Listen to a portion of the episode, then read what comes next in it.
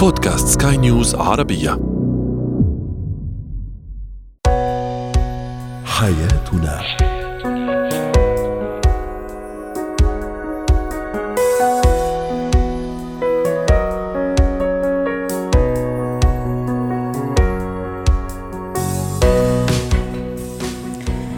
مستمعينا الكرام أهلا بكم معنا إلى حياتنا فضاؤكم اليومي الذي يعنى بشؤون الأسرة وباقي الشؤون الحياتية الأخرى والذي يمكنكم الاستماع إليه عبر منصة سكاي نيوز عربيه dot com slash podcast وباقي منصات سكاي نيوز العربيه الأخرى. شاركونا عبر رقم الواتساب 00971 561 886223 معي أنا آمال شابه كيف أجعل من شريكي صديقي المقرب ورفيقي الدائم؟ زوجا كان أو زوجه كيف أجعلها صديقتي وكيف أجعله صديقي هذا الزوج؟ ما هي العلامات والتصرفات التي تدل على أن طفلي متورط في علاقة صداقة مؤذية مع زميله ومع صديقها ومع زميلها وصديقتها في المدرسة. وأخيرا اتكات التصوير والتقاط الصور.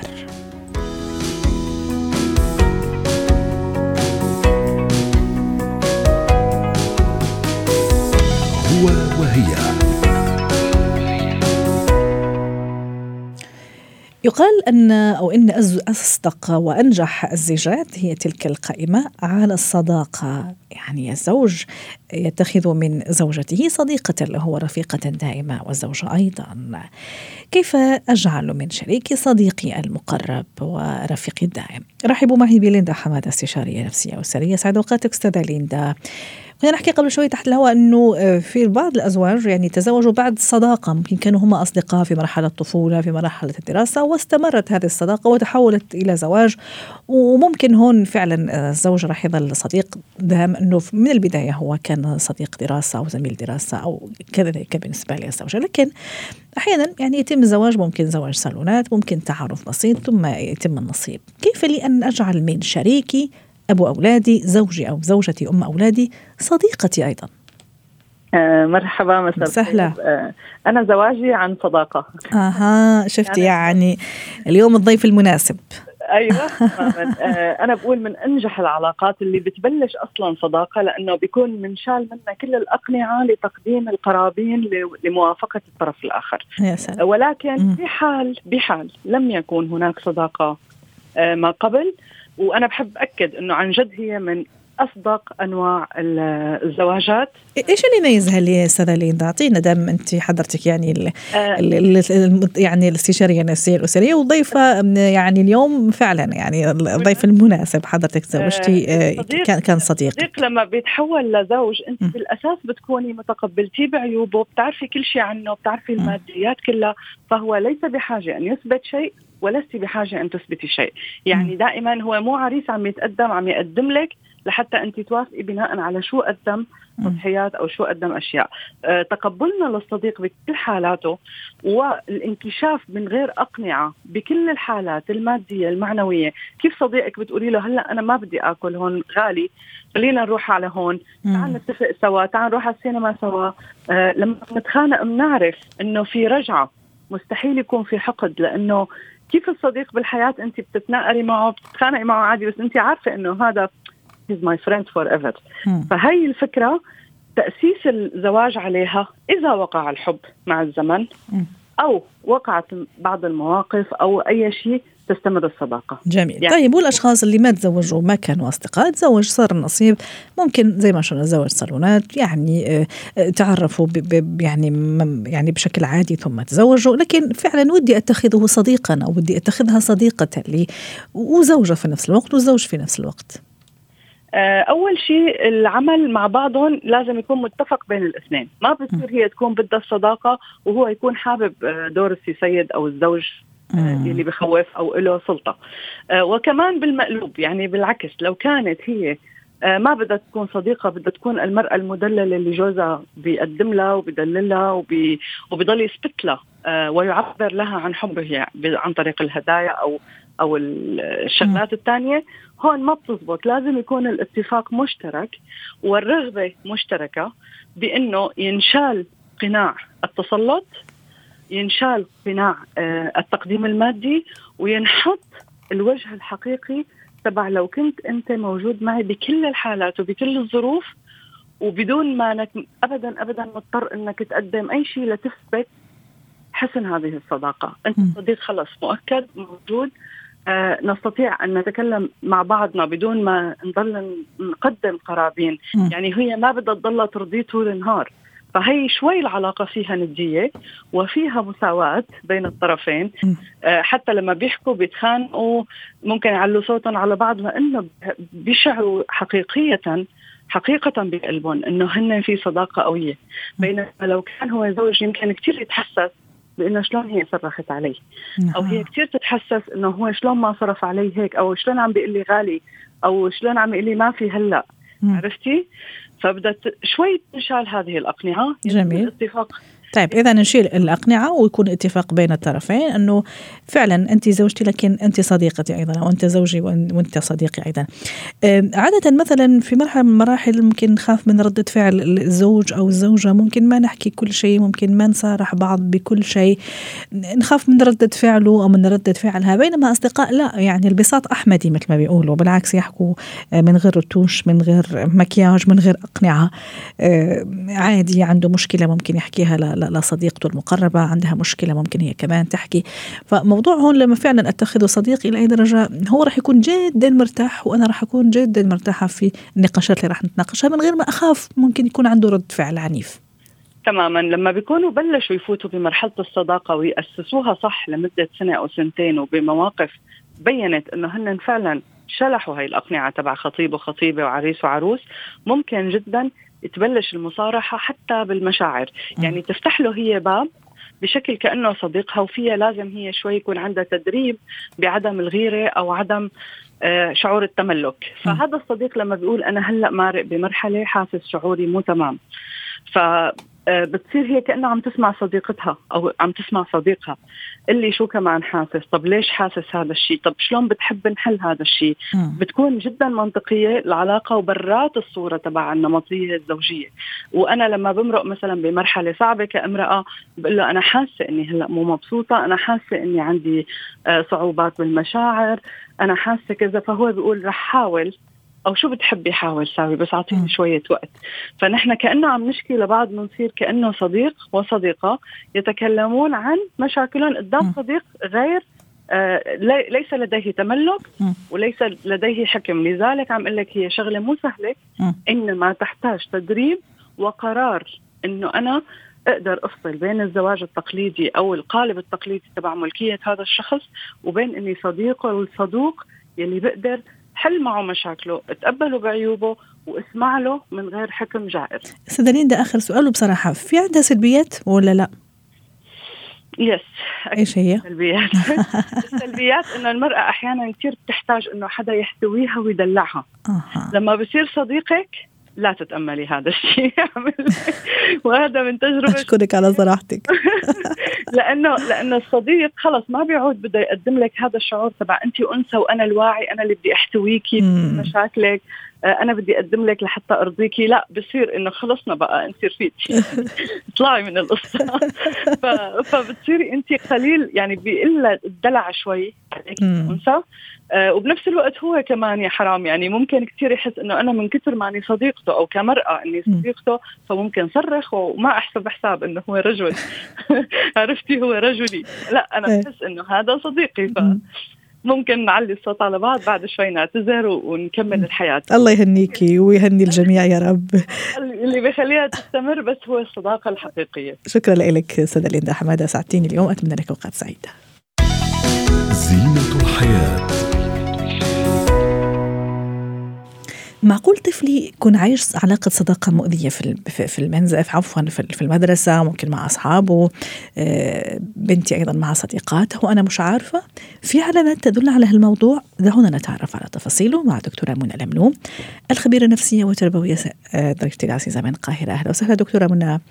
آه، عادة نعرف أنه طفل يعني يتخذ من يعني زملاء وأصدقاء يعني في المدرسة يعني يتخذهم زملاء وأصدقاء أحيانا في أصدقاء كثير مقربين بيفضلهم عن ثانيين آه، بحبهم ممكن يحكي لي كثير عنهم.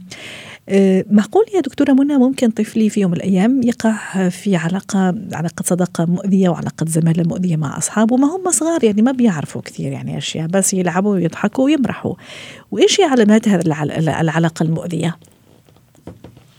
يا أستاذة أميل. وسهلا أهلا. آه، طبعا أكيد ممكن يوصل الأطفال في سن صغير إنه يدخلوا في علاقات آه، مؤذية مع بعض أصدقائهم. لأنه في النهاية الطفل ده هو نتاج بيئة هو اتربى فيها آه، أسرة نشأ فيها. يعني لو الطفل ده نشأ في أسرة هو نفسه بيتعرض لشكل أشكال معينة من العنف وبيروح بيمارس ده مع الأطفال حتى في سن الحضانة. يعني آه بيحصل آه بيحصل طبعا نتيجة إنه الطفل ده آه عنده سلوكيات معينة محتاجة إنها تنضبط وقد لا يكون في رعاية كاملة أو رعاية مناسبة لتصحيح هذه السلوكيات فبيبقى آه سهل إنه طفل آخر يبقى فريسة للعلاقة المؤذية مع هذا الطفل. آه لو هتكلم بقى عن العلامات اللي ممكن أيوة. تخليني أبدأ أقلق لو بدأت تظهر على ابني وأبدأ أتابع وأسأله وأعمل حوار معاه. لو لقيت إن الطفل بدأ يبقى مهزوز شوية يعني أحس إن هو ما عندوش ثقة بنفسه كبيرة. آه كل شوية يجي يقول لي ماما هو أنا لبسي كده حلو؟ آه ماما هو أنا آه آه شكلي حلو هو أنا أمور هو أنا شكلي جميل؟ يبقى الشك اللي عنده ده معناه إنه بيسمع كلام سلبي عن الحاجات دي. لو أنا في البيت كأم بقعد أقول له الله يا حبيبي أنت جميل. الله إيه اللبس الحلو ده؟ والاقيه بيرجع لي بكلام سلبي؟ يبقى الكلام السلبي ده أكيد سمعه من حد في في المدرسة. حاجة كمان أو علامة تانية إنه ألاقيه مكتفي بصديق واحد. صديق واحد عايز يبقى مسيطر عليه. أيوة. ما تصاحبش حد غيري. أنا وبس. لو شافه بيتكلم مع حد تاني يقدر إن هو يخليه يرجع له هو بس. ما يبقاش عنده صحاب تانيين. ابني بعد ما كان إحنا بنبقى متفقين على حاجات في البيت إنه ده صح وإن ده غلط وإحنا بنعمل الحاجات بالشكل ده ألاقيه يبدأ إنه يتمرد. لأ هو مش عايز يبقى الموضوع كده أنا عايز أبقى أعمل اللي أنا على مزاجي. آه ويبقى مقتصر بصديقه الواحد ده. يعني آه طب عندك صحاب تانيين؟ يقول لي لأ عندي صاحبي بس فلان. طيب لأنه خاصة بالذات في الولاد يعني لو هفرق ما بين البنات والولاد أحيانا البنت بتفضل إن يكون عندها صديقة مقربة وأصدقاء آخرين بنات ما فيش مشكلة يعني بس ما بيبقوش بنفس القرب. الولاد بالعكس بقى الولاد بيميلوا من صغرهم للشلالية يعني يحب يكون عنده أصدقاء كتير. فإذا لقيت إن هو الولد بالذات بيبدأ يتكلم فلان صاحبي فلان صاحبي فلان صاحبي قال لي فلان صاحبي عمل وبيتكلم بتكراره بقت كأن محيط حياته كله. الطفل ده يبقى أنا برضو لازم إن أنا أخليه بالي. آخر حاجة هقولها لحضرتك في الجزئية دي إنه يجي الطفل يقول لي إنه بيتضغط عليه يعمل حاجات هو مش عايز يعملها. يعني زي؟ آه نعم. مثل؟ آه زي مثلا إنه أنا دلوقتي آه واحد صاحبي في المدرسة آه آه شتم واحد في المدرسة صاحبنا تاني. وأنا مش بحب أشتم وعارف إن الشتيمه غلط بس هو قعد يقول لي لازم تشتمه مم. لازم تزعله لازم تعال اضربه تعال نتأمر عليه. تعالى نضربه تعالى نتأمر عليه. وده ممكن برضو الطفل المؤذي ده بيخلي الولد ده يعمل ده لأنه هو عايز ينتقم من الطفل الثاني يعني الطفل الثاني ممكن يكون شخصيته قوية ورافض إنه ينصاع للطفل المؤذي. فيقوم متفق مع ال ال الولد اللي هو.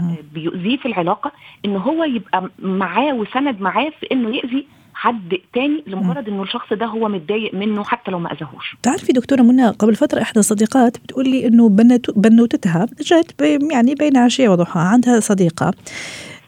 فتجي البنت تقول لها ماما فلانة فلانة اسمها دارين البنوتة. دارين ما صارت تحبني اختارت لها صديقة أخرى.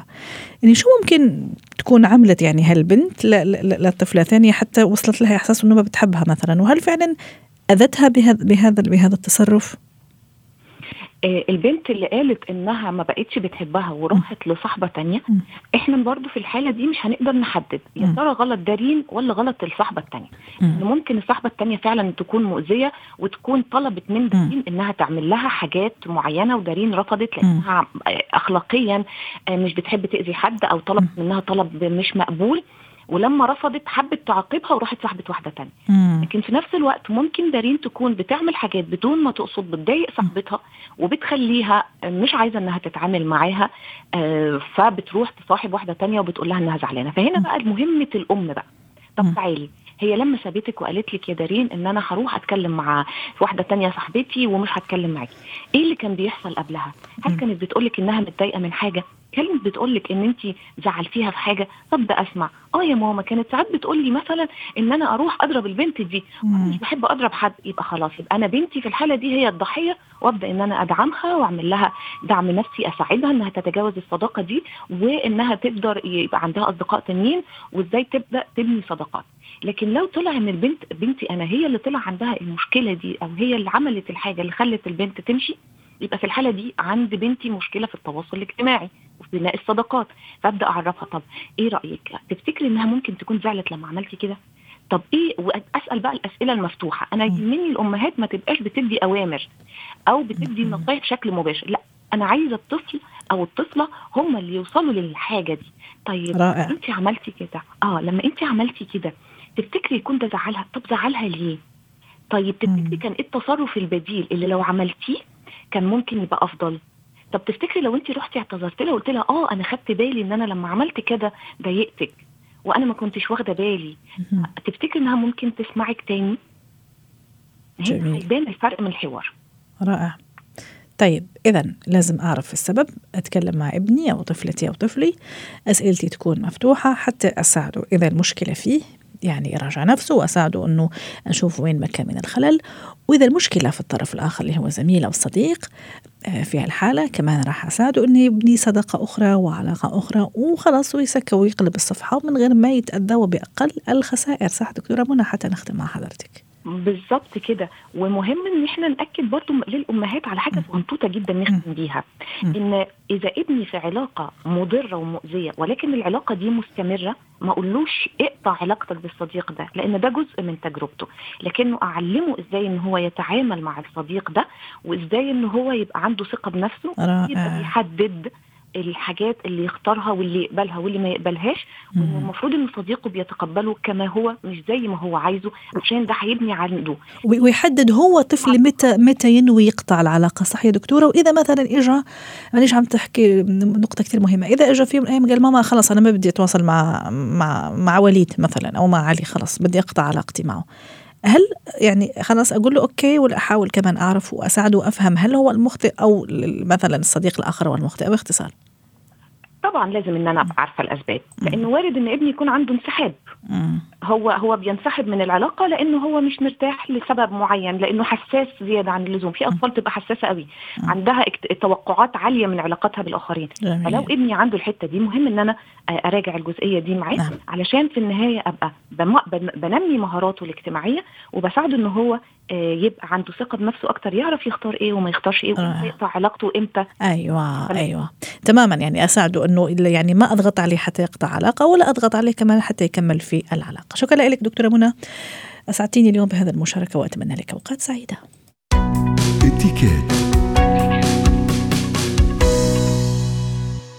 من منا لا يلتقط الصور الصور الكثيرة سواء سيلفي أو صور مع الأحباب الأصدقاء في المناسبات السعيدة وحتى في الطلعات العادية.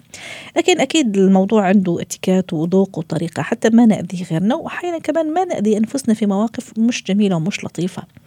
رحبوا معي بناتالي أندراوس خبيرة الاتيكيت ضيفتي من بيروت. أهلا وسهلا بناتالي. شو لازم أحط بعين الاعتبار لما آه، يعني أجي أخذ أو ألتقط صورة سواء بالنسبة لي سيلفي أو صور أخرى مع صحباتي مع صديقاتي مع الأهل أيضا.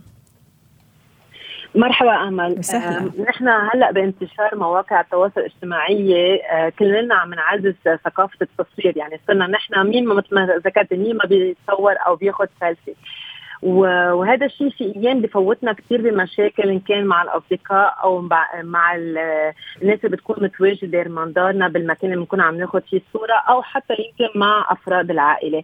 ومن هون الجدير بالذكر إنه آه، الاتيكيت التصوير لها أصولها أو من أهم القواعد تبعت اتيكيت التصوير نحن نستأذن الأشخاص اللي ما نصورهم. يعني نحن ما فينا نفتح الكاميرا ونصور بلا ما نستأذن أو نعطي علم خبر انه نحن ما نصور هيدي. أول نقطة كثير مهمة.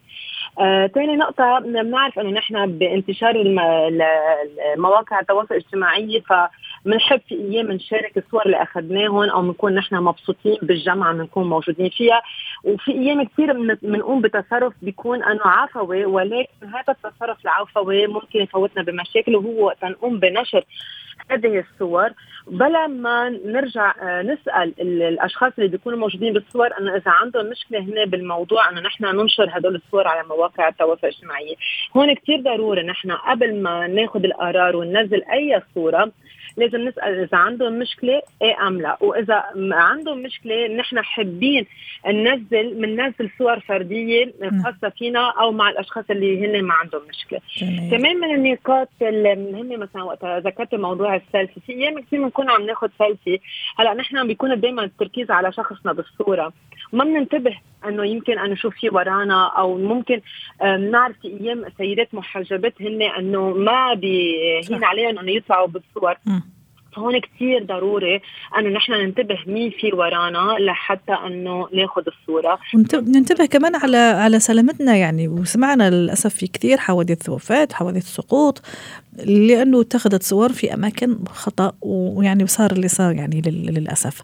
نتالي أحيانا أي ناتالي أحيانا يمكن تتذكري وحنا صغار يمكن كثير ولغاية الآن ممكن تصير هيك مواقف. لما مثلا تكون صورة عائلية أحدهم عادة هو اللي يكون مشاغب ممكن يعمل حركة مو مش لطيفة مثلا ورا الصورة عرفتي كيف؟ ورا الشخص اللي يحب مثلا يعني ممكن يحطه في موقف محرج وخلاص وتلتقط الصورة وتضل يعني لسنوات وحتى ممكن الواحد ممكن يضطر إنه يقطعها عرفتي كيف؟ ليش لازم نكونوا كمان حريصين؟ لأنه ممكن تأذي الآخرين هذا الحركات. صحيح كلامك وهذا بحس بكل عائله في دائما هذا المشاغب مثل ما ذكرتي لأنه ذكرتيني هلأ بخي لأنه كمان هو المشاغب بالعائله ودائما إنه في عنده الحركات إنه تجاه الآخرين هو بيعملها بطريقة عفوية. هلأ نحن صرنا بنتفهم وبس مثل ما ذكرت ممكن بكثير احيان واحد ما يقدر يستوعب وبيكون إنه يعمل له مشكله شخصية خاصه إذا كنا عم نحكي طفل أو عم نحكي مراهق. فهون كثير ضروري نحن إنه شوية الجدية ببعض الأحيان خاصة بالصور العائلية ضرورية لأنه هذه رح تبقى ذكرى تتخلد لبعدين أنا كنت بدي بدي الفت النظر بس أمل على موضوع الأماكن الأمنية. يعني نحن بنعرف كثير منيح في أيام الناس إنه مثلا بيصير في حادث معين أو شيء معين إنه بيركضوا بياخذوا الكاميرات تبعونهم بيصيروا يصوروا الحادث اللي عم بيصير. كمان هون أنا الجدير بالذكر إنه لازم ننتبه إنه نحن كمان ما نتشارك أمور ممكن تخل بالامن القومي أو بتكون هي أماكن أمنية فهذا لازم ننتبه له أو أماكن عسكرية. آخر سؤال عم يسألوني يعني اللي ورا الكنترول. يعني صور مثلا الفرح العرسان الزوجين يعني كيف يعني ذوقياتها والإتيكيت تبعها باختصار باختصار لازم نحن وقت يكون معزومين على عرس ما بننزل الصورة قبل ما نستأذن العروس بالتحديد العروس لأنه ممكن خاصة إذا هي طالعة بالصور. يعني هلأ إذا صورنا لنا لوحدنا ما في أي مشكلة بس كثير ضروري إن إحنا نسألها إذا عندها مشكلة. يعني ممكن هي تقول انه بفضل أنه المصور المحترف اللي هو ينزل الصور لأنه بتكون عندها ثقة فيه يطلعها بأجمل صورة ممكنة. نعم. فينا كمان إنه نبتعد شوي عن الكاميرا ونخلي المصور المحترف اللي عم يلتقط الصور تبعون العرسان أو الخطاب ما نضلنا مش مش مضطرين نطلع بكل صورة لأنه هذه تصير تعتبر نوع من التطفل أو الحشريه وحتى كمان في ذوقيات بالنسبة مثلا للزوجين كمان في ذوقيات معينة لازم يمتثلوا لها شكرا لك ناتاليا اندراوس خبيره الاتيكيت ضيفتي من بيروت.